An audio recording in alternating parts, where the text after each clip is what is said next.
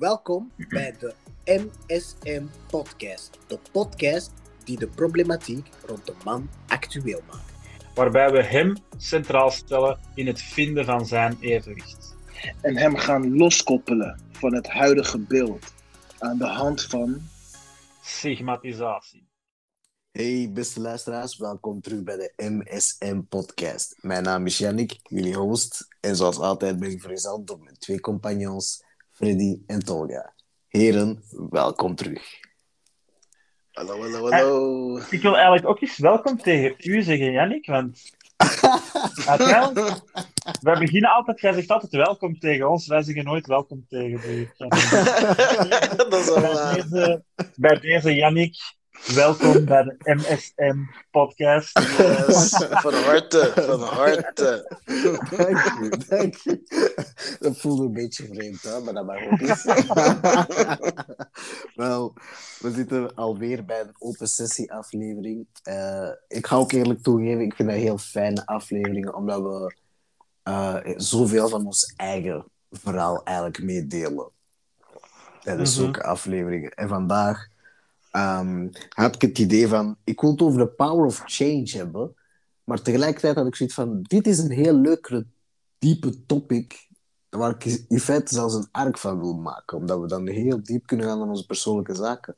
Maar er was nog iets dat in mijn hoofd afspeelde. En, heb ik, het, eh, en ik zal bij het begin beginnen, eh, om dat helemaal uit te klaren. Is, ehm, ik ben op de dating scene eh, en ik ontmoet verschillende mensen tegenwoordig.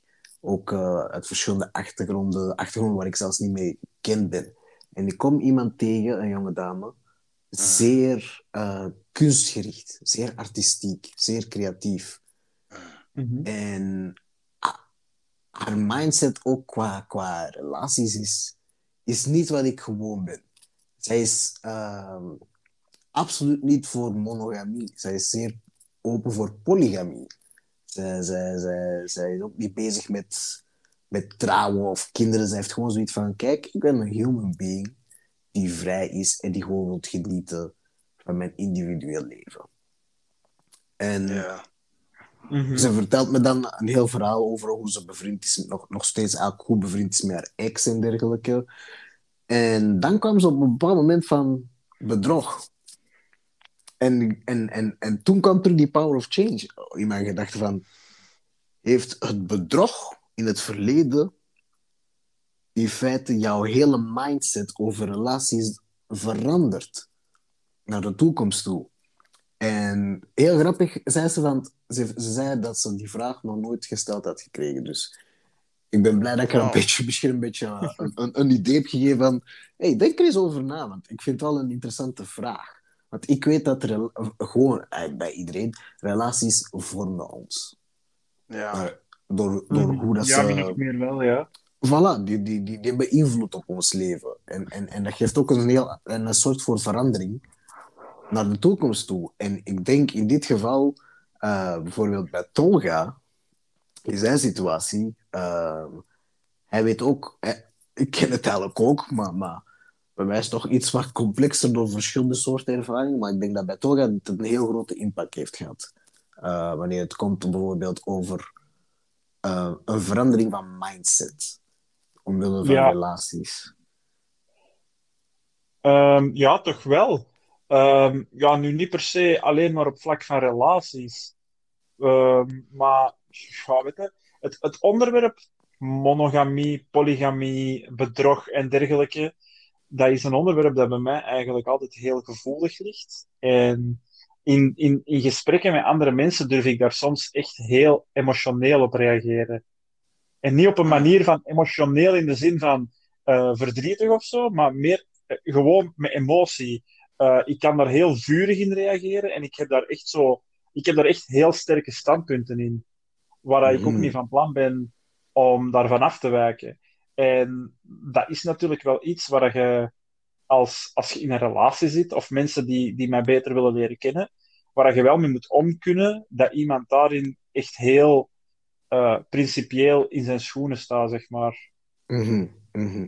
Er, er zijn dus echt vaste standpunten eh, waar je niet van afwijkt in feite. Eh, ja, absoluut. En dat zijn ook dingen waar ik, allee, ja, ik zeg het, hey, de luisteraar en, en jullie weten dat nu ook, ik ben nu, ik heb, ik heb een relatie met iemand. Ehm, we zijn ondertussen bijna een jaar samen. En dat zijn ook wel onderwerpen waar je gewoon over praat. Ehm, omdat je ergens ook wilt weten hoe, dat, hoe dat die andere persoon erin staat. En ja, ik ben, daar, ik ben daar zelf heel duidelijk in. Bedrog is bij mij echt gewoon einde relatie. Ik maak van mijn hart een steen en ik wil niks meer met u te maken hebben. Ook al doet dat enorm veel pijn. Ehm, hmm. Ik heb geen problemen met uh, polygamie bijvoorbeeld. Ik heb geen problemen met als iemand uh, meerdere mensen wilt kunnen zien binnen een relatie.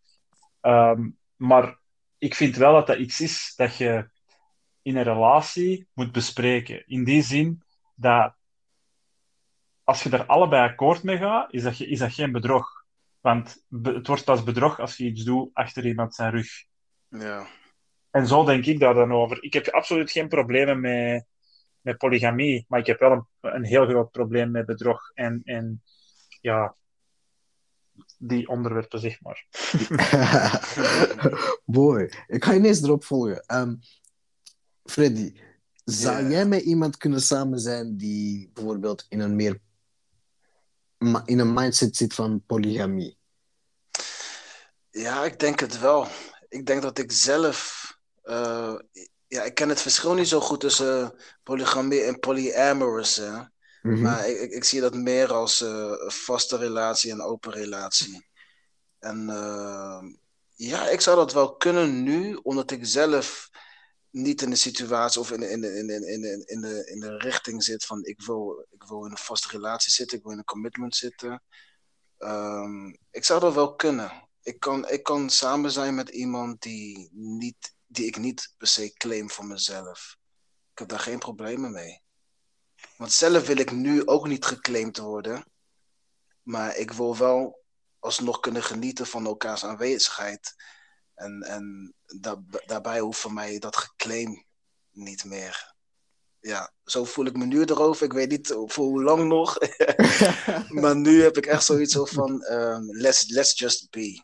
let's just be. Als we goed voor elkaar kunnen zijn op deze manier, laten we dat in stand houden. En laten we het niet moeilijker maken dan dat het is. En uh, ja, man, het leven is kort. Laten we daar het beste van maken zonder dat we elkaar uh, last, uh, last zijn. Dus ja, ja, man. Ik vind, ik vind het heel fantastisch en, en interessant om, om naar zulke zaken te luisteren, omdat het mij doet denken. Omdat ik, ik mijn, mijn familie, de Van der Vees, om het zo maar te zeggen, zijn heel traditioneel ingesteld. Mhm. Man, vrouw. En, en, en, en ik, als mijn overgrootmoeder nog zou leven, en ik zou bijvoorbeeld nu kunnen vertellen van, hey, ons zus en mijn zus is, is, is biseksueel, dat, dat, dat, zij zou dat niet begrijpen, bijvoorbeeld, al, al om mee te starten.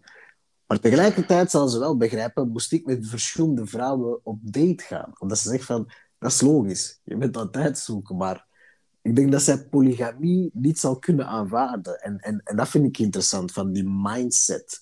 Niet enkel uh, gewoon van de conditionering door, doorheen de tijden. Want als je dan helemaal teruggaat naar de periode van Grieken en Romeinen, dan durf ik te weten dat die mensen seksueel veel open waren dan wij zijn. ik denk niet, ja, sowieso. Want hoe dat wij nu bijvoorbeeld kijken naar homoseksualiteit, de Grieken, dat zijn specialisten erin, om het zo maar te zeggen. Hebben die, hebben, ja, nee, dat is misschien cru wat ik ga zeggen, maar hebben die dat niet uitgevonden ergens? Ja, wel, ik, ik, ik, ik ben het ook zo aan het denken van, van, dat was bij hun vrij normaal. Dus het is ergens misgelopen, ergens vrij logisch, dat is, dat is eigenlijk gewoon door de kerk. De invoering van de kerk. Mhm. Wanneer de kerk aan de macht kwam en, en, en zijn macht wou verspreiden, verspreidden ze uh, het woord van God, waarbij er duidelijk een, een, boodschap was van het is man en vrouw.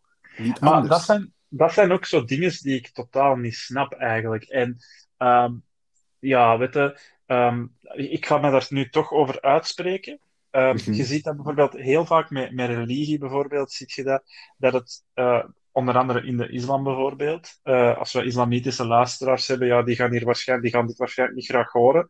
Maar dit is wel een feit, volgens mij. Dat heel vaak ziet je bijvoorbeeld, en dat zijn dan wel de extremere varianten natuurlijk, hè, de extremere meningen. Maar heel vaak ziet je mensen die dat, ehm, bijvoorbeeld daden van terrorisme goedkeuren. In die zin dat ze zeggen uh, dat, dat, dat, dat, een goede zaak is voor het geloof. Maar tegelijkertijd keuren ze mensen die daar um, verliefd zijn op elkaar, man, man, vrouw, vrouw, maakt niet uit, dat keuren ze af. En dan denk ik zo van, dus wanneer het om liefde draait, keuren we dat af en is dat niet oké. Maar wanneer het om uh, terrorisme, haat en, en andere mensen pijn doen draait, dan keuren we dat goed. Mm, dat is mooi. En, ja. en, en, en dat, is, dat is bij mij echt om het, om het natuurlijk niet politiek te maken, dit onderwerp.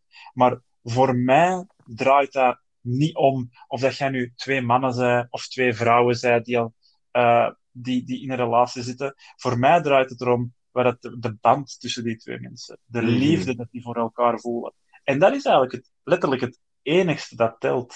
Al de rest is bijzaak. Ja zou dat niet een fantastische power of change zijn? Moest je bijvoorbeeld de religie kunnen overtuigen van focus op wat de liefde uh, of wat het gevoel is dat de mensen ervaren en niet zozeer op de dogma's die opgesteld zijn. Mm -hmm. Ja, daar ben ik het volledig mee. Want het woord van God is voor mij ook altijd zeer subjectief geweest.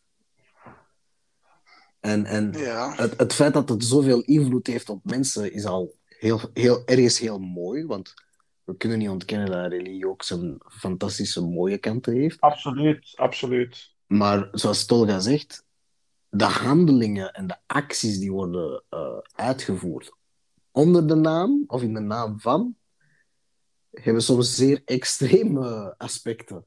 En, en, en vaak niet, uh, zoals Tolga zegt, zijn ze gericht op liefde. Ja, ik leg eigenlijk echt de schuld en de verantwoordelijkheid bij iedereen. ik zal even uitleggen waarom. Ik zal even uitleggen waarom. We kijken altijd naar mensen die zogenaamd hooggeleerd zijn of meer spiritueel zijn, om ons uit te leggen what is the way of life. Hè? Mm -hmm. en, als wij, en als wij onze weg niet hebben gevonden of geen antwoord hebben op die vraag, dan zijn we heel makkelijk in staat om de ander of omstandigheden de schuld te geven. Mhm. Maar eigenlijk, voor mij is het woord van God wel objectief. Hè? Want voor mij God staat voor het goede, het goddelijke. Het, het goede, het meest gewenste, het ideale. Datgene wat het juiste in stand wil houden. Voor mij zijn dat zaken die wij allemaal kunnen waarnemen. We zien dat iets rijp is en wanneer iets aan het rotten is.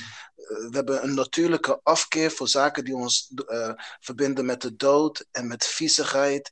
En, en, en we hebben natuurlijke aantrekkingskracht voor zaken die het leven symboliseren. En schoonheid en liefde en rust. En ik, ik, dat zijn categorieën in, in. Dat zijn vibrations. Dat zijn vibrations. En we kunnen niet de ander de schuld geven voor, onze, voor waar wij zelf op reageren. Ik, zou het anders zeggen. Uh, wij, ik, ik, sinds die Mind, Body en Soul uh, arc ben ik heel veel aan het nadenken over wat triggert de mens.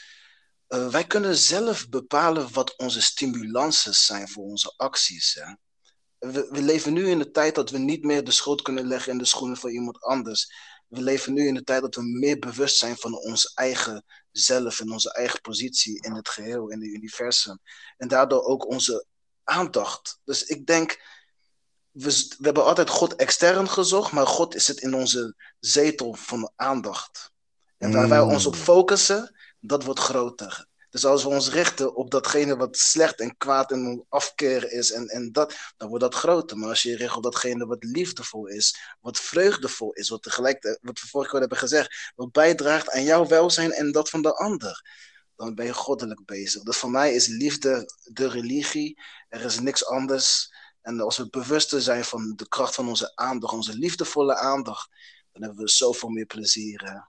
Hmm. Ik ga even mm -hmm. teruggrijpen, uh, Freddy, want um, um, over uh, over even terug richting relaties en de soort veranderingen dat het, heeft, dat het Ja. met zich heeft meegebracht. Want jij hebt ook een relatie gehad waar, het ook, waar je uiteindelijk een kind mee bent eh, uitgekomen. Ja, Maar ik denk ook dat dat heel veel voor verandering heeft gezorgd in jouw leven. Niet enkel qua, qua eh, situatie en aanpassing aan de levensgewoontes en stijl en handeling, maar ook aan je mindset. Want op dat moment ben je plots vader en, en, en plots ben je eigenlijk ja, alleenstaande vader. ja. Dus, dus ja, je, je hebt Ja. een heel ander soort handeling moeten creëren en denkwijze. Ja, kijk, als je, ik, ik ben altijd iemand geweest van als iets niet werkt, dan moet je sleutelen. En als je samen in iets zit, dan moet je samen sleutelen. Ehm, maar als, als, als, als het sleutelen niet werkt, dan moet je zien of je abandon ship kan doen, maar dat je gelijk, tegelijkertijd het meest belangrijke in stand kan houden. En we zijn direct tot het, tot agreement gekomen van, hey, ook al zijn we geen partners meer, we blijven altijd dezelfde team voor ons kind. En dat is een instant agreement geweest. Daar zijn, daar zijn we nog steeds heel, heel gepassioneerd in.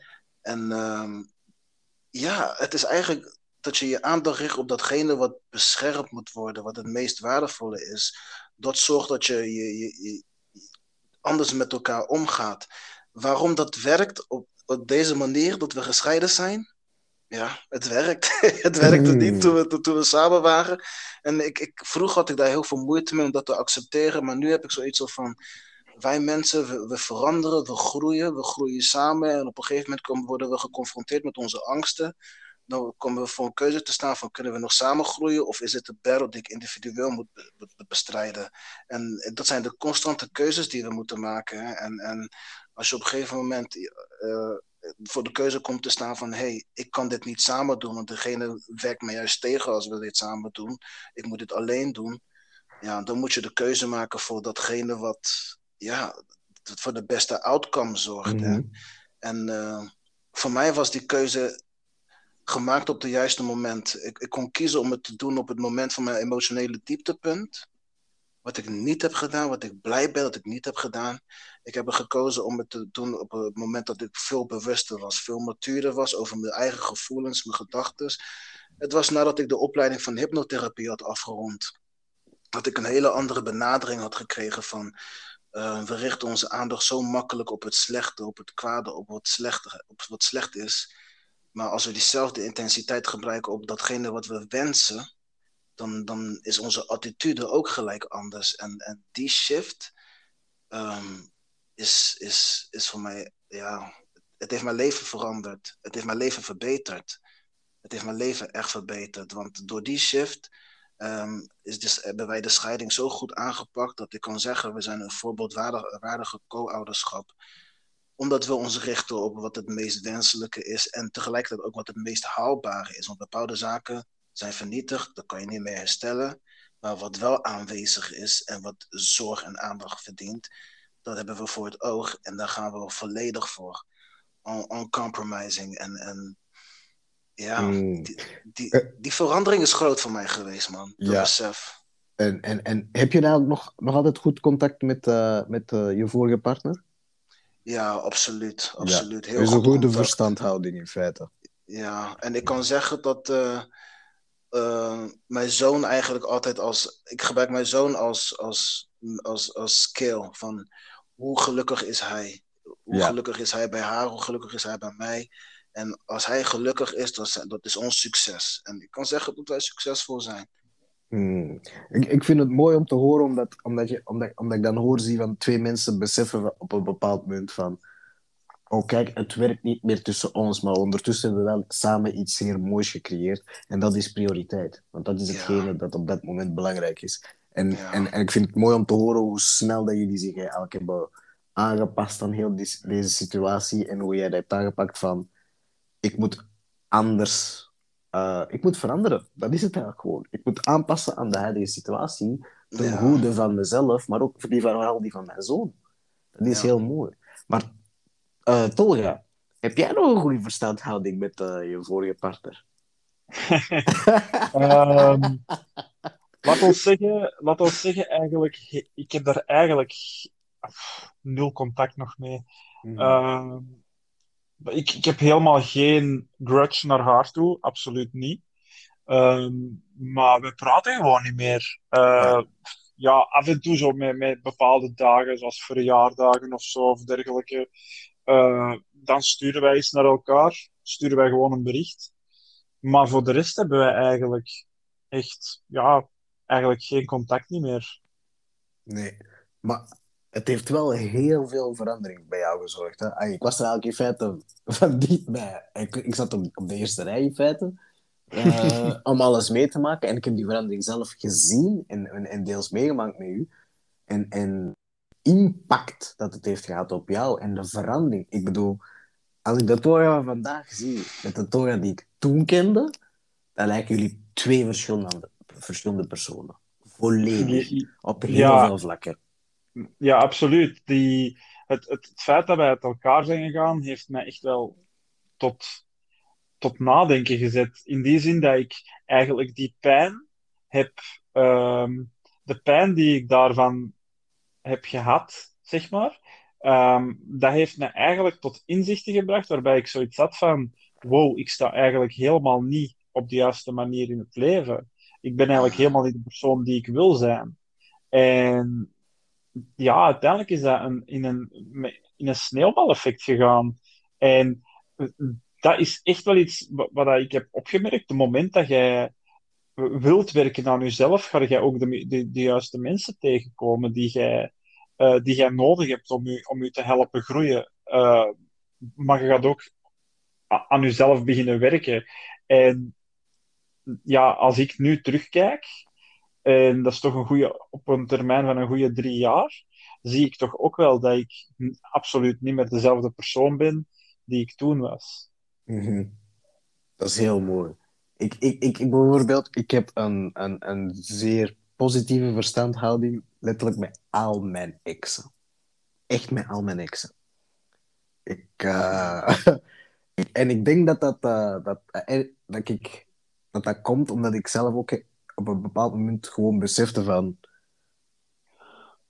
Um, het ligt voornamelijk aan mezelf.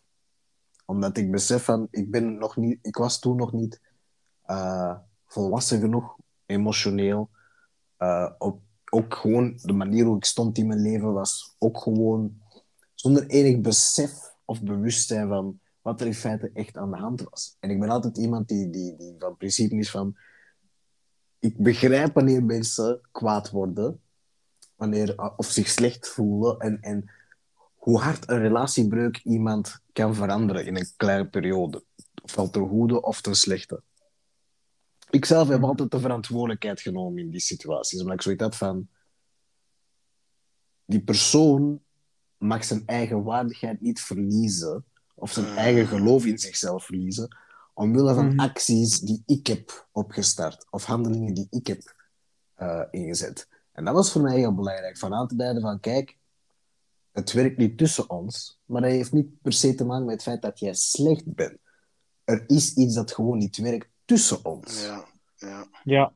En, en dat is ook iets waar ik weet niet of jij dat ooit hebt gezegd, Jannik of Freddy, maar uiteindelijk, je gaat uiteen met een, met een ex, en dat ziet je bij heel veel mensen, die gaan uiteen en die, praat, die kunnen alleen maar slecht praten over mm -hmm. hun ex. En dan heb ik zoiets van, ja, maar je hebt die persoon toch ooit graag gezien? Graag gezien, voilà. Hoe ja. kan dat? Hoe kan dat? Er... Oké, okay, jij kunt er slecht over praten, hè? dat kan, maar hoe kan dat zijn dat je er niks goed over kunt zeggen? Dat, dat, dat, dat, is die pijn, man. Dat is die pijn. Ah, wel, ja, dat is die pijn, maar het, het ding is ook, en dat is absoluut ook iets wat ik heb gedaan, hè. Ik, heb, ik heb no shame om dat toe te geven uh, jij bent tot je eigen in een slachtofferrol. In die zin dat je zei uiteen en het is allemaal de schuld van je partner. Mm -hmm. Waarom? Dat komt inderdaad door die pijn. En uw partner heeft u zoveel pijn bezorgd en daarom kan die persoon u niks goed doen. Maar misschien moet je ook eens kijken dat de reden dat die partner de relatie heeft beëindigd, ligt dat alleen aan die partner. Dat zal ook wel iets met u te maken hebben. En wat hebt jij in die relatie op die manier uh, gedaan om ervoor te zorgen dat, die, dat uw partner zich niet meer voelde zoals hij of zij zich hoort te voelen in die relatie. Mm. En dat is iets wat heel veel mensen niet willen doen of niet onder ogen willen zien, omdat dat inderdaad heel veel pijn doet. En dat is heel confronterend. Maar, maar, maar pijn is een goede indicatie. Hè? Want pijn Absoluut. is voor mij een, een, een signalisatie dat zegt van je hebt een kans om te veranderen. Je hebt een Mhm. kans Ja, om iets te veranderen. je, hebt, je hebt natuurlijk verschillende pijnen. Als ik, Ja, nu mijn vinger, als, ik nu mijn, als ik nu mijn vinger eraf snijd, bij wijze van spreken, Ja, dan, dan, dan, dan- ja, ik ben dan veranderd. Hè. Ik heb, eh, ik heb een kortere vinger. Ja, Maar- Maar uiteindelijk, het, het, het, het, allee, de pijn die je bedoelt, inderdaad, is vooral dat, dat mentale gedeelte. Ehm, Oké, iets kan heel veel pijn doen, en iets kan niet leuk zijn. En ja, weet je, uiteindelijk, de wereld is niet altijd roze geur en maneschijn. En je kunt daar ook niet altijd naar blijven streven om altijd je eigen goed te voelen. En soms gebeuren er zo'n dingen. En dat is misschien heel cru hoe ik het zeg, maar op dat moment denken wij allemaal dat wij het grootste slachtoffer zijn op deze wereld. Terwijl, eerlijk, weet je heel veel mensen dat er per dag gedumpt worden. Exact. Wij zijn Ja. echt niet uniek. Hè. Op, het moment, op, het moment dat wij worden, op het moment dat wij worden gedumpt, worden er misschien nog miljoenen andere mensen of honderdduizenden andere mensen gedumpt. Dus wij zijn, wij- ons, ons probleem op dat vlak is echt niet zo uniek. Dus ehm, het kan pijn doen. Neem vooral de tijd om, om, om over, die, over die relatie te geraken. Maar begin ook eens jezelf in vraag te stellen. In die zin van, kijk, wat, wat liep er mis in mijn relatie? Wat heb ik, welke invloed heb ik daarop gehad? En hoe kan ik mezelf daarin verbeteren? Mm, Wat ik mooi vind van relatiebreuken is dat het eh, de mogelijkheid. Dat zijn de, mogen, dat zijn de momenten geweest voor enorme transformaties in mijn leven eigenlijk. Ja. Dat is, dat, je maakt sprongen vooruit in je persoonlijkheid, in je persoonlijke kracht, je wilskracht. Je wordt sterker in het aangeven van je grenzen. Je komt harder uit voor wat je wilt. En, althans, als je echt bezig bent met, met wat jouw eigen aandeel is geweest. Hè? Je, gaat stilstaan bij wat je uit automatisme hebt gedaan. En wat je zou moeten afleren. En wat je zou, wat je zou moeten aanleren. En, en, ja, Ja, en, en, en dat is iets wat ik bijvoorbeeld, allee, dan ga ik er ook wat persoonlijker op ingaan, hè, omdat dat, dat is natuurlijk ook altijd interessant om, om, om mee te delen, vind ik. Maar wat ik heb gemerkt is, vooral in mijn, in mijn, vorige, in mijn vorige relatie, was ik iemand die dat altijd de schijn heel hoog hield.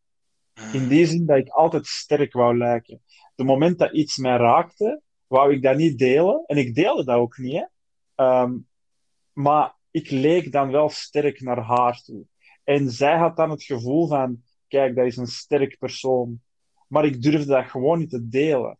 Ik Ja. had bang, ik had, ik, had, ik had schrik dat zij mij zwak ging vinden als ik dat zou delen. En nu, de relatie waar ik nu in zit, ik, ik, ik zeg dat ook effectief tegen mijn, tegen mijn vriendin, van kijk, communicatie is voor mij echt heel belangrijk.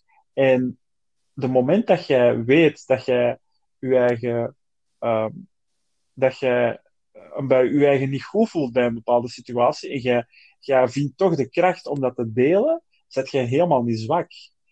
En toch, merk, toch voel ik bij mezelf nog altijd superveel weerstand om, um, om bepaalde dingen die mij raken niet te delen. En ik doe dat dan toch.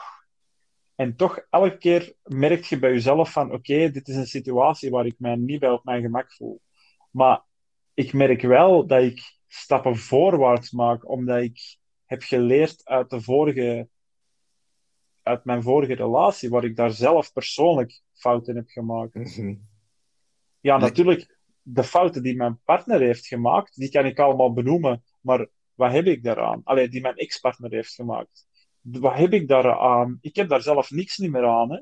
Dus dat haalt niks uit. Dus je kunt beter gewoon naar je eigen kijken en zeggen van oké, wie wil ik zijn in een relatie? En daaraan proberen te sleutelen en aan te werken om, om, om een betere persoon binnen je relatie te worden. Nee, mooi. Dat klopt. Dat klopt. Ja, Want het is zoals je zegt, ehm, en zoals Freddy ook heeft gezegd, het is, de opportuniteit is er om uit te leren en, en, en om te groeien. En, Mhm. en ik vind het leuk om, om, om mensen in doog te houden. Stalker. hoe, zij omgaan met bepaalde situaties, zoals een, een, een breuk. Je hebt dan mensen die, die heel expressief worden. En, en, en manieren zoeken voor, voor, voor connecties te maken of begrip. Maar die op dat moment niet echt aan het leren zijn van... besef je eigenlijk wat er is misgegaan en wat jouw Mhm. aandeel daar vooral in is. Want vaak, Ja. het is zoals je zegt, we, we, we- we- we overzien ons eigen aandeel in, in zulke zaken vaak. En, en Maar- ergens ben ik dan wel blij dat ik dan zo iemand ben die heel bewust was van, ik weet wat ik heb gedaan. Mhm. Maar is dat ook niet iets, en, en ik had het daar laatst met mijn vriendin ook over, hè, over ehm, het feit dat als iemand u gekwetst heeft, dat je u nadien altijd eh, sterker gaat voordoen naar de buitenwereld dan dat je eigenlijk bent.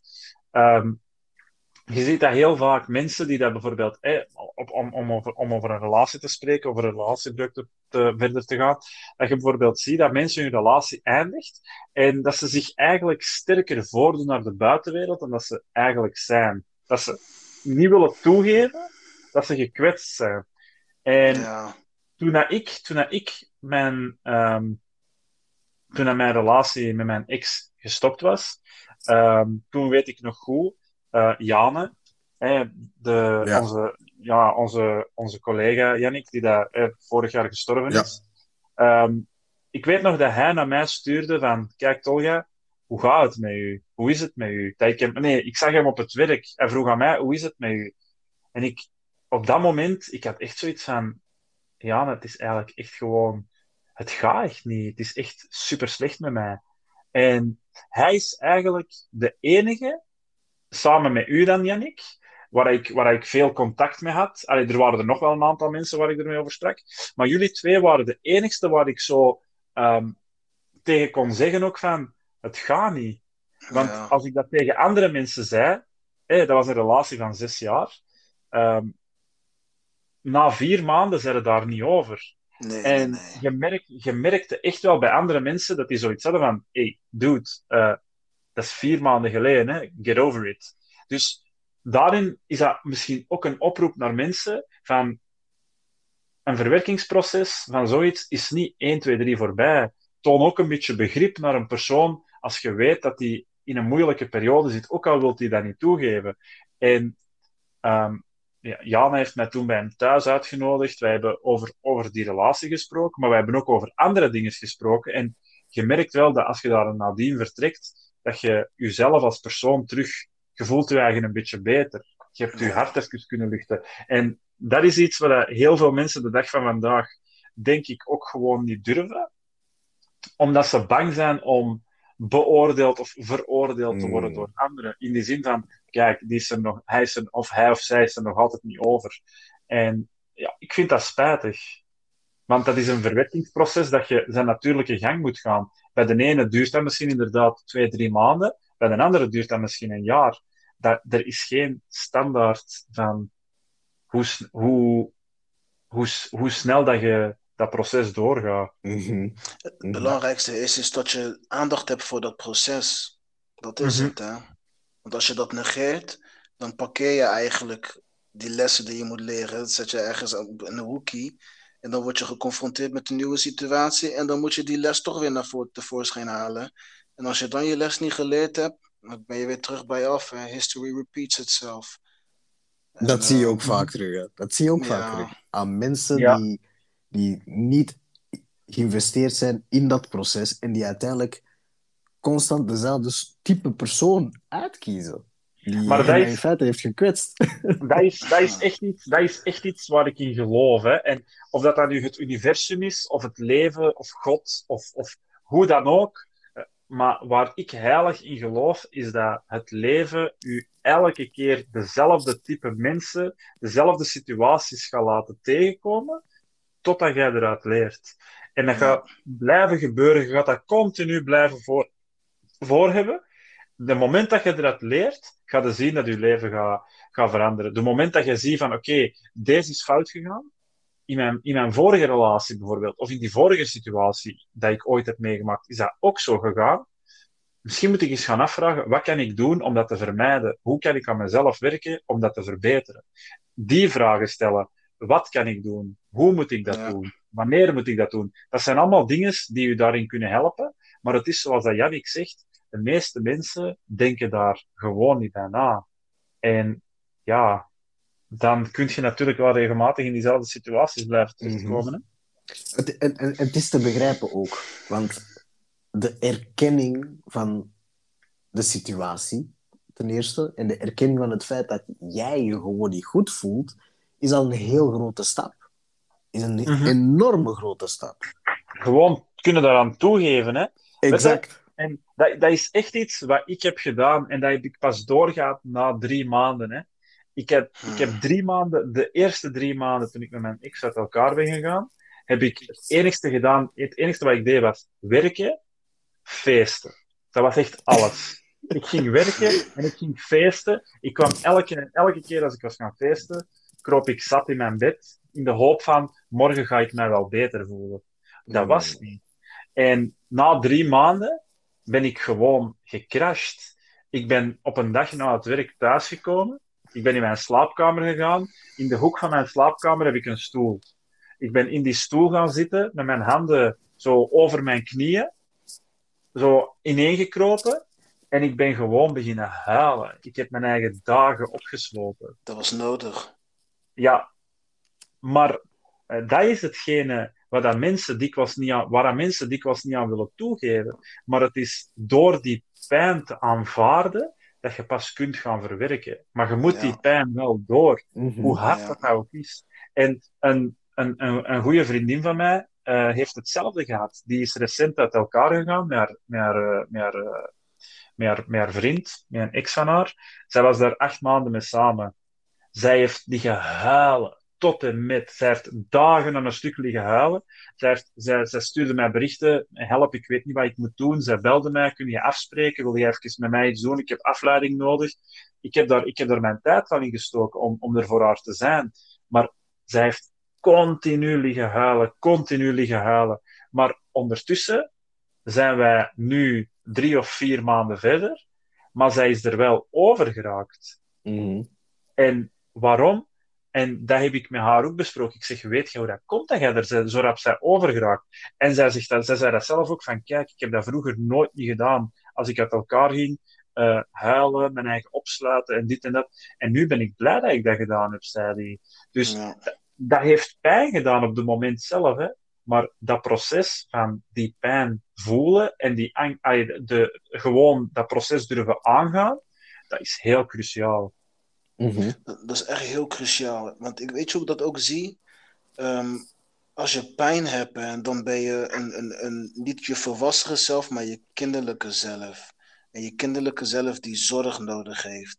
En afhankelijk van de situatie heb je de, de, de feminine ehm, een, een mothering, eh, moederlijke care nodig. Van de, de zachtaardige. Van hey, het komt wel goed hier, ontspan, kom tot rust. Probeer niet te veel daaraan te denken. En het mannelijke, die je door middel van een activiteit probeert af te leiden van hé, hey, eh, probeer daar niet erbij te blijven zitten. Je, je bent nog steeds sterk, je hebt nog steeds mogelijkheden. Richt je op wat Mhm. je nu kan. Focus. Maar- Maar dat is ook, maar, want dat is nu, dat vind ik nu heel mooi dat je dat zegt, inderdaad, dat, dat mannelijke eigenlijk ook gaat focussen op afleiding en activiteiten. Maar dat is Ja. ook waarom dat je heel vaak ziet dat vrouwen in het begin van een bruik heel vaak zeggen, ah, ik voel Mhm. mij echt super slecht. En die gaan, die gaan onmiddellijk door die pijn, die gaan onmiddellijk in die emotionele stand. En die zeggen, Ja. oké, ik ga nu mijn verdriet voelen en ik ga daardoor. En ik ga kwaad zijn op mijn ex en ik ga huilen en ik ga dit en ik ga dat. En mannen, die gaan onmiddellijk in ontkenning. Die gaan Ja. zeggen, ik ga afleiding zoeken. Ik ga Ja. proberen mijn eigen te- beter te voelen. Ik ga feesten en dit en dat. Ondertussen, terwijl zijn die vrouwen al, al verder in het proces. Mannen, ja. die komen pas...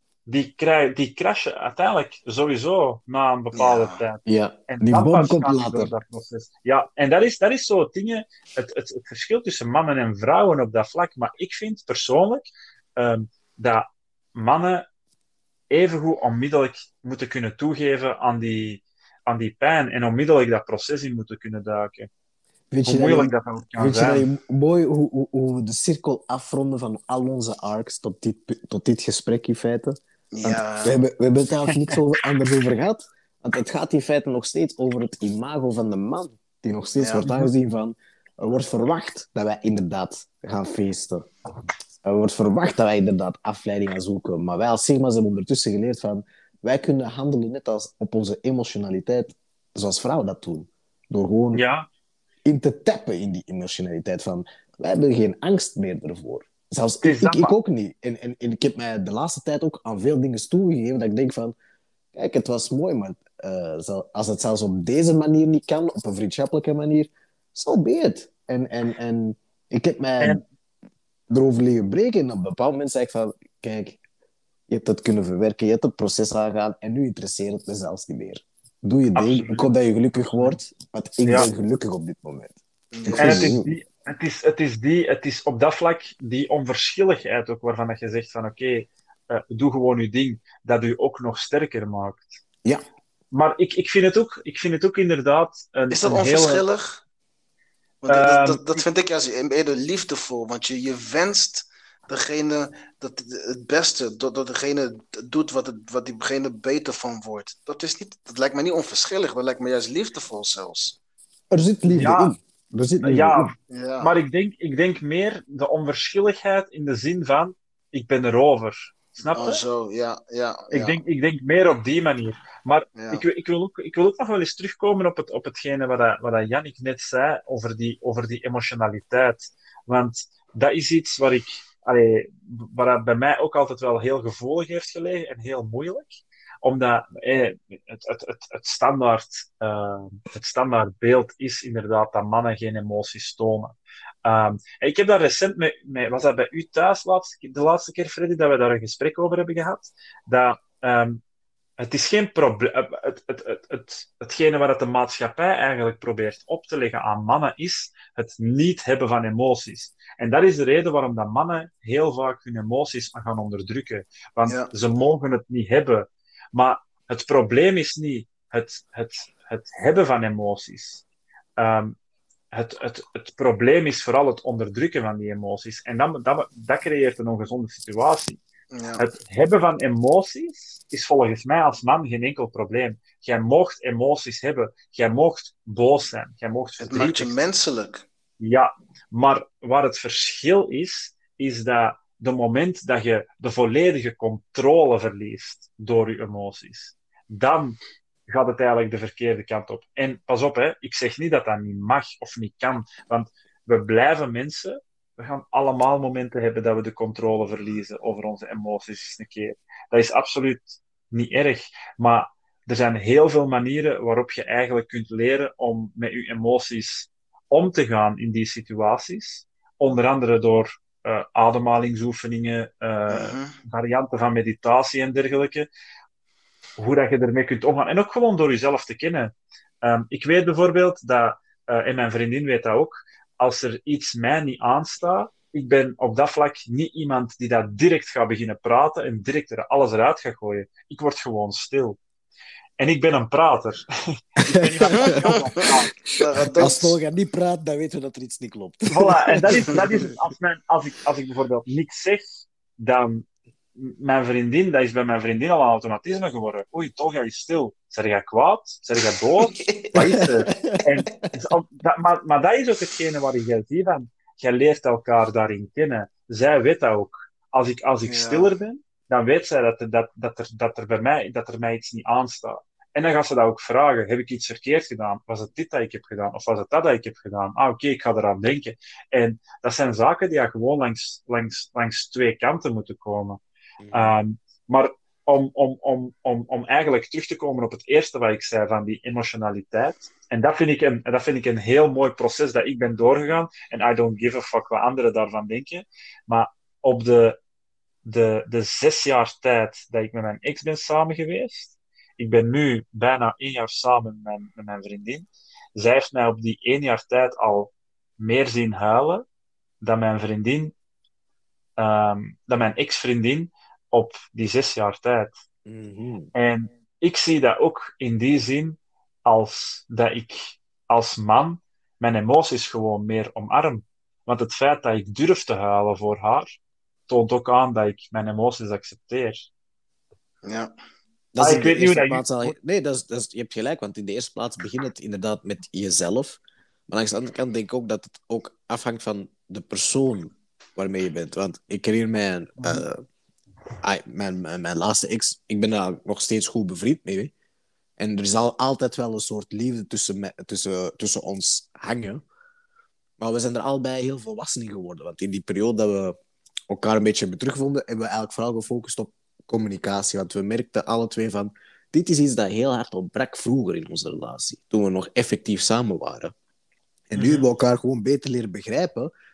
En ik zie haar ook gewoon meer als een vriendin, omdat ik nu ook zoiets heb van, kijk, als er iets is, ik sta er voor je.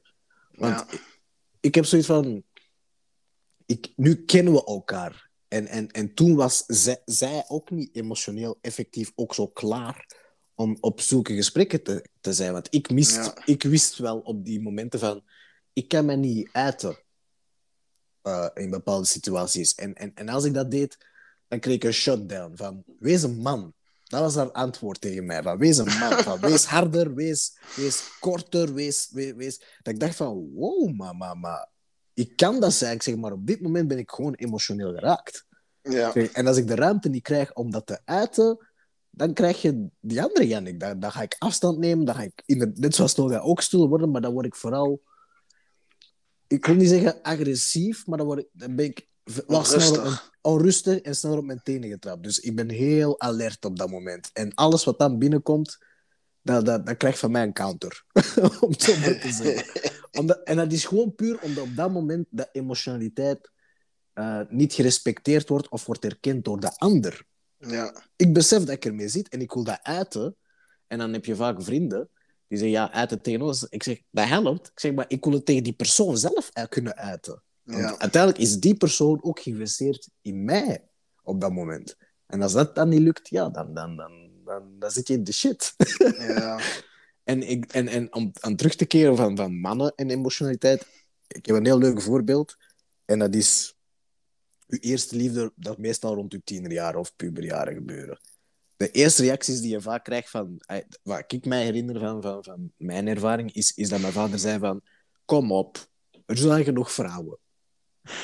En, en toen wist ik van, wow, kerel, je geeft mij eigenlijk ook niet de ruimte om te zeggen van, voel je slecht, man. Ja. Ja, maar eerlijk, Jannik, op die leeftijd wil je niet geloven dat er nog andere vrouwen zijn. Je- je- Je denkt echt, je eerste liefde, je denkt echt, dat is de vrouw waar ik mee ga trouwen en kinderen ga krijgen. Tuurlijk. Bedoel, Ja. Dat, dat, is, dat, is, dat, is, dat is echt hetgene waar je...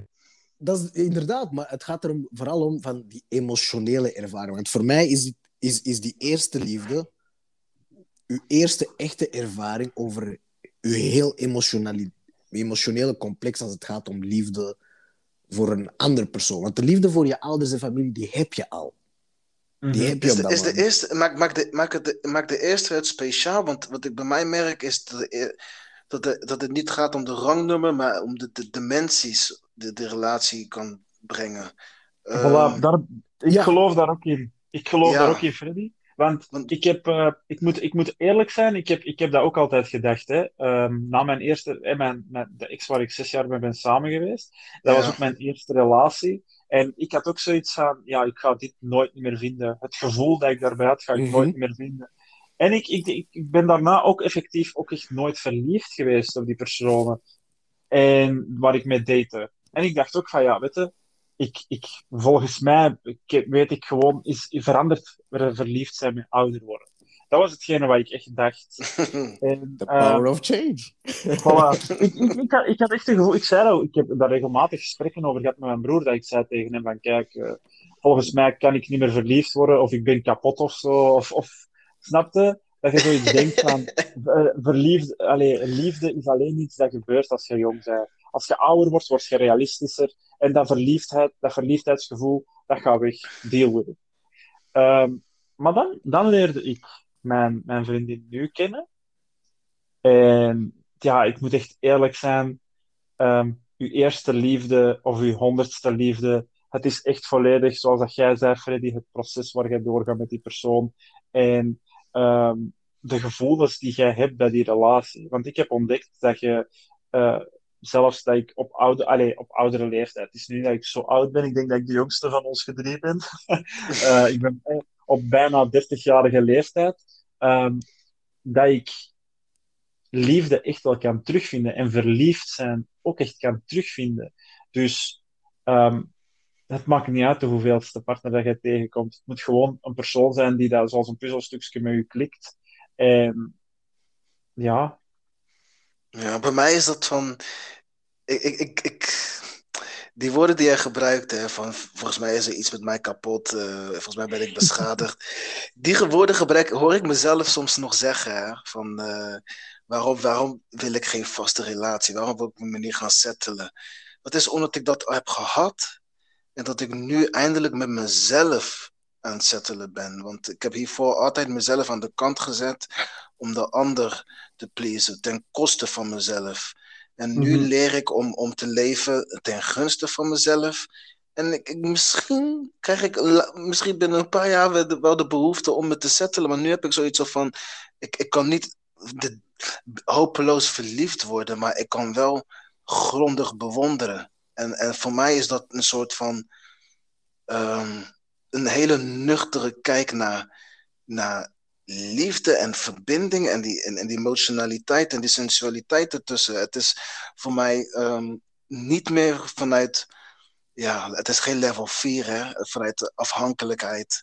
Het is echt vanuit echt bewondering en, en, en verlangen. En ik, ik, de, die level 4 hè, heb ik alleen voor mijn zoon nu. Dat is alleen voor mijn zoon. Van ik kan niet zonder, ik wil niet zonder.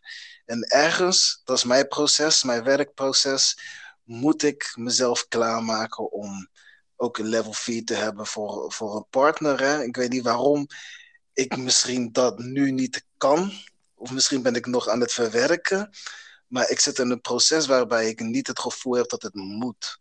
En Mhm. ik vind het fijn. Ik vind, ik vind het fijn waar ik, waar ik nu in zit. En, en, Ik, ik heb ongeveer hetzelfde gevoel. Ik heb ongeveer hetzelfde gevoel. ja, Want ik merk bijvoorbeeld bij mijn moeder, naar gelang, ah, onlangs ben ik 31 geworden.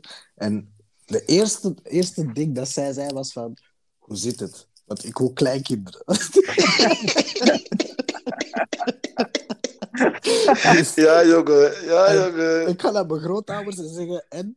We gaan al trouwen? I'm like, wow.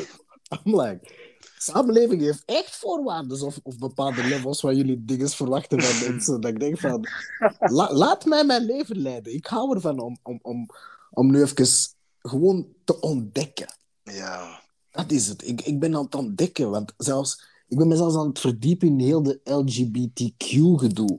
Ik heb een app gedownload, eh, ook voor te daten, maar het is niet wat ik had verwacht. Het is, het is via dat meisje die dat mij heeft eh, aangeraden voor is gewoon aan te raden. Ze zei van, doe het zelfs als research. ja, Van, van, van, verdiep je er zelf eens in. En het eerste dat ik moest doen was een profiel aanmaken. En dan had je al die verschillende seksuele geaardheden. En ik viel bekend achterover van hoeveel dat er waren. serieus? Omdat ik zoiets had van, Ja, hoe in hemelsnaam zijn we zo ver geraakt dat we elkaar in zoveel hokjes beginnen te duwen? Oh, Terwijl Ja. voor mij het eigenlijk heel simpel en heel logisch is. Maar nee, nu, nu is van, nu ben je een panseksueel. Je hebt zelfs, eh, wat is het? Ehm, straight zo- flexible. ja, maar je hebt ook zo sapioseksueel. eh, Sapioseksueel zit er tussen, polyseksueel. Het, het, het is zo ver. Jezus, echt man. veel. Ik heb er echt heel veel diverse. En, en, en er was een woord dat mij er was heteroflexibel. En ik zei, What? eh, wat de hel is een heteroflexibel? En Een meisje heeft mij dat dan uitgelegd. Heteroflexibel is, uw voorkeur is nog steeds in het... Is, is, is hetero zijn, maar je hebt een interesse in het eigen geslacht. En I'm like, wow! Zeg, maar... Ze zijn wel creatief, man. Ze, zijn innovatief. Maar terwijl dat zij dat zo tegen mij uitlegt, heb ik gewoon zoiets van, is het niet dan gewoon bi? ja. Eh, Maak er Ja, dan of- gewoon bi- van. Of, of Ja. be of be Be, curious. Of of- curious, inderdaad. By curious, ja, voilà, inderdaad. Maar door Dus- al die extreme speciale termen eraan te voegen, maken... Het het is iets bij mij van... Deze mensen zitten in een bepaalde categorie en zij, zij eisen een beetje verandering van de samenleving, wat terecht is. Maar ik heb ook zoiets van, jullie maken het jullie zelf ook een beetje moeilijk. En ik wil niemand eh, daarmee aanvallen, maar ik denk dat, dat ik spreek uit onervaring en, en, en, en gewoon onbegrip. En, en, en omdat ik het niet goed begrijp van waarom al die hokjes? Terwijl het resultaat dat jullie willen is hetzelfde als elk ander mens. Dat is liefde ervaren. Ja. En, en, en Ja. dat, dat is gewoon interessant, want dat, mijn brein op dit moment, die laatste paar weken, is gewoon aan het werken en aan het denken van hoe ga ik in deze wereld indekken? Hoe ga ik die research doen? en, en nu de discotheken open zijn, het eerste dat eh, eh, een, een, een kennis van mij heeft aangeraden is: ga naar Red and Blue, man. ga een nachtje met, de, de, de, de, ja, met mensen die, die, die, die homoseksueel zijn. Ga met hun feesten. En, en dan, dan, dan leer je het misschien en dan ga je het begrijpen. En ik denk mij van: wow. ik, ik, hoef dat niet, ik hoef dat niet te begrijpen. ik, zeg, ik, ik, ik, ik, zeg, ik hoef niet per se midden in heel die ervaring te, te staan en, en te ontdekken. Ik zeg, het zal ook niet de eerste keer zijn dat ik, dat ik daar mij eigen bevind. Ik heb ooit de fout gemaakt door op de verkeerde dag te gaan feesten met vrienden. En wij wisten toen nog niet dat Red and Blue op zaterdag voor homoseksuelen waren. Dus wij kwamen binnen in volle energie. Je moet je voorstellen, op dat moment heb ik mij twee uur lang liggen klaarmaken in de badkamer. Met het idee van, ik ga jagen vandaag. Gotta get some action Ik ga tonight. jagen. Ik ga Uiteindelijk, vandaag... uiteindelijk, uiteindelijk werd er op u gejaagd, inderdaad, uiteindelijk werd er op mij gejaagd. En, en het, het vreemde is hoe dat ik die signalen niet doorheb, omdat ik gewoon niet gekend ben met hoe dat het op zijn werk gaat. Ik dacht, Ja. deze kerels zijn overvriendelijk tegen mij. Ik krijg hier een, twee drankjes van iemand. I'm like. Ik ben, ik ben nieuwe vrienden aan het maken. Straks die Facebook vragen. Voor de volgende keer bij hun te gaan feesten. En dan kwam de bom. Op een bepaald moment gaf de, gaf de, de, de persoon achter de bar mij een- nog een drankje. Met, daarachter een, een- met, daaronder een servetje en een nummer. En toen wist ik van, oh, wow, wow. Ja, je, uh, you're being hunted. I'm like, oh. Ik zeg, dudes. uh, en tegen mijn vrienden daar van, uh, het is heel gezellig geweest, maar ik moet hier eventjes weg. En dat is niet van, ik voel me uh, uh, uh, slecht in deze omgeving. Het is gewoon van, ik wil niet de verkeerde signalen naar mensen sturen. Ja. En- en- en- en- maar tegelijkertijd heeft het mij wel geholpen van, om in te zien van deze mensen zijn eigenlijk net hetzelfde als mij. Zij, ze genieten, ze, ze, ze willen losgaan en ze, Ja. zoeken, ah, ze zoeken affectie op, op, op hun manier ja. en, en, en naar gelang hun interesses. En, en, en ik denk dat daarmee ook heel veel gestart is bij mijzelf voor, te voor na te denken van. Ah, ik zal het anders zeggen. Wat ik heel leuk aangenaam vind is dat deze mannen van hun eigen zeer expressief waren. En ik, en ik, en ik, en ik moet ze een pluimpje geven, want het heeft mij geholpen om zelf ex- expressiever te worden over Ja. mijn emoties. En dat is iets dat ik wel heel, heel mooi eh, apprecieer en, en wel naar opkijk, vaak naar homoseksuele mannen, is hun manier van communiceren. Ik heb soms de indruk dat zij nog beter in tune zijn met emoties. ja, met de feminine side, hè? Ja, en zeker als ze niet onderdrukt worden omwille van het, het, het, het, het schaamtegevoel, zou ik maar zeggen, van homoseksualiteit zijn. Mhm. Maar tegelijkertijd hebben ze mij wel aangetoond van... Het maakt niet uit welke geaardheid je hebt. Jou kunnen, jouzelf kunnen uiten is topprioriteit. En als je de ruimte daar niet voor krijgt, ga dan weg van deze ruimte. Mhm. Ja. En dat Ja. was heel mooi. Dat was heel Maar mooi. ik denk- Ik denk, ik denk dat mannen sowieso ook wel iets meer in hun. In hun, in hun allee, hoe moet ik dat zeggen?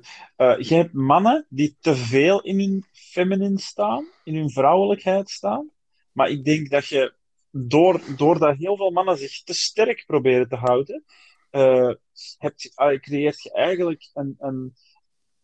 Hoe moet ik dat zeggen? 100% masculine zijn is volgens mij ook niet gezond voor een man. Ik denk dat je sowieso ergens wel een bepaalde balans moet kunnen vinden van je eigen toch nog ergens kunnen begeven in die, in die, in die vrouwelijke energie, zeg maar. Ehm, maar je mag daar natuurlijk niet te hard in, in Ja. doorslagen. Hè? Mm, nee, dat klopt. Dat klopt. Dat klopt. Het, het, het, we hebben het iets soortgelijks eens gezegd, hè? met automatisch piloot en, en de, de, de controle nemen. Ik denk dat Ja. dat een beetje Mhm. hetzelfde is over mannelijkheid.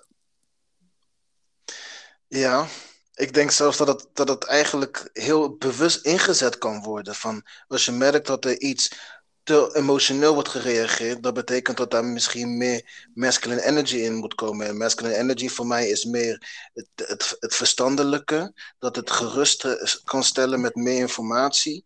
En aan de andere kant heb je misschien iets dat te sceptisch is en bezorgd is van hé, hey, we weten dit niet, we weten dat niet, we weten dit niet zeker, we weten dat niet zeker. En dan heb je gewoon het emotionele die die persoon gewoon omarmt en zegt het is oké.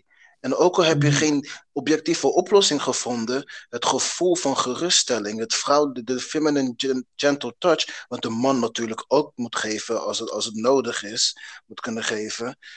We moeten die zaken in, allebei moeten, we moeten die zaken allebei kunnen implementeren. En dat, dat bepaalt hoe gezond wij zijn, denk ik. Ja. Hoe, ja, efficiënt we zijn. Ik zie, ik zie het meer in de zin van Ehm, als ik een voorbeeld mag geven, zie ik het meer in de zin van ehm, bijvoorbeeld, er is een situatie en er gebeurt iets en een man vindt dat niet leuk. Ehm, de, de, de, man die 100% in zijn mannelijkheid gaat staan, die gaat daar waarschijnlijk niks op zeggen en, en, en zich heel sterk gedragen. Of die gaat daar keihard op ingaan en die gaat al zijn agressie daarin gooien. Hmm. maar volgens mij is de juiste situatie dat je je emoties overbrengt van, kijk, er heeft iemand mij kwaad gemaakt. Maar de manier waarop jij dat doet, is vooral belangrijk.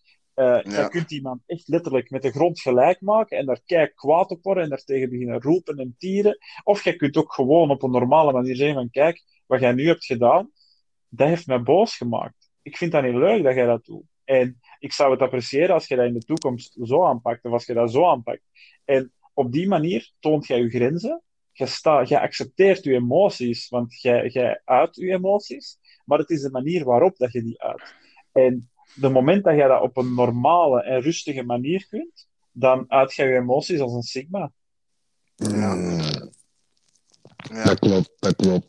Ik heb, ik heb uh, vandaag ook nog een heel mooie quote gelezen, als ik hem nog goed kan herinneren, van Viktor Frankl. En dat gaat over... Um, er is een ruimte tussen stimulatie en respons. En in dat kleine ruimte heb je de mogelijkheid om te bepalen hoe je met de situatie omgaat. Dus het ligt aan jouw hmm. keuze. Dus, dus, en, en, en ik denk dat dat een, een mooie afsluiter is om mee te geven aan de luisteraars en aan onszelf. Is van, vooraleer je besluit of je, iets, of je van iets houdt, of, of, je ervan of je het haat, moet je het eerst begrijpen. En dat heb ik van Leonardo da Vinci. dus begrip over de situatie. Niet enkel zeggen de situatie zelf, maar ook over jezelf in de situatie. Ja. En dan pas ga je kunnen bepalen in welke richting je naartoe wilt. Dus neem de tijd, ga het proces aan. En, en, en voel je slecht. Voel je slecht. Blijf thuis zit in de zetel met een dekentje, kijk naar Netflix en, en eet uh, Ben Jerry ice cream. Uh, want op dat moment verlicht dat de pijn, maar het belangrijkste is, je bent bezig met het proces. Je bent aan het toegeven aan wat er is gebeurd. En je laat je emoties effectief de gang gaan. Ik, ik, ik zou het kunnen samenvatten met twee woorden. Mm Verken jezelf. Exact. Self-exploring. Ja is, ja, is, is ook deel self-healing. Ja. hey guys, het was een weer een uh, aangename open sessie, maar ik denk uh, dat ik akkoord ga dat we alle drie uh, zeker in ons bed moeten kruipen. ja, man. We mogen weer werken, man. Ah, voilà. Ja. Om laat starten, Freddy? Ja, om 7 uur s ochtends, hè. 7 tot 7. Kijk, de, de strijder in Freddy. Niet enkel ja. vader, niet enkel um, magier met woorden. Nog steeds... Filosoof, filosoof in gedachten. Nog steeds bewaak je zeg alertheid, maar wel om 7 uur starten. En toch, al yes. start jij morgen? Uh, ik ga morgen uitslapen. Ik moet morgen oh. niet werken. Kijk, deze man. Zeker dat mag niet. Hey, maar ik heb, vandaag, ik heb vandaag een 14 uur shift gedaan. Dus oh. ik, verdien, ik verdien een dag thuis te zijn morgen. Je verdient het om 14 uur te slapen. Ja, 14 uur gaat niet, dat gaat niet gebeuren. Oh, denk ik. damn. Maar, eh, Het zijn twee nachtrusten dat, joh. Hey, maar ik zou zeggen, geniet ervan. Ik ga ook zo dadelijk slapen, want ik moet er om half dru- naar terug uit. Dus, eh, Oh. maar ik, ik hou ervan. It's the rush, man. It's the rush. absoluut. Guys, bedankt voor vanavond. En ehm, Freddy, beste wensen. Yeah, beste wensen, goedenavond en tot de volgende keer, hè. Later. Later. Yo.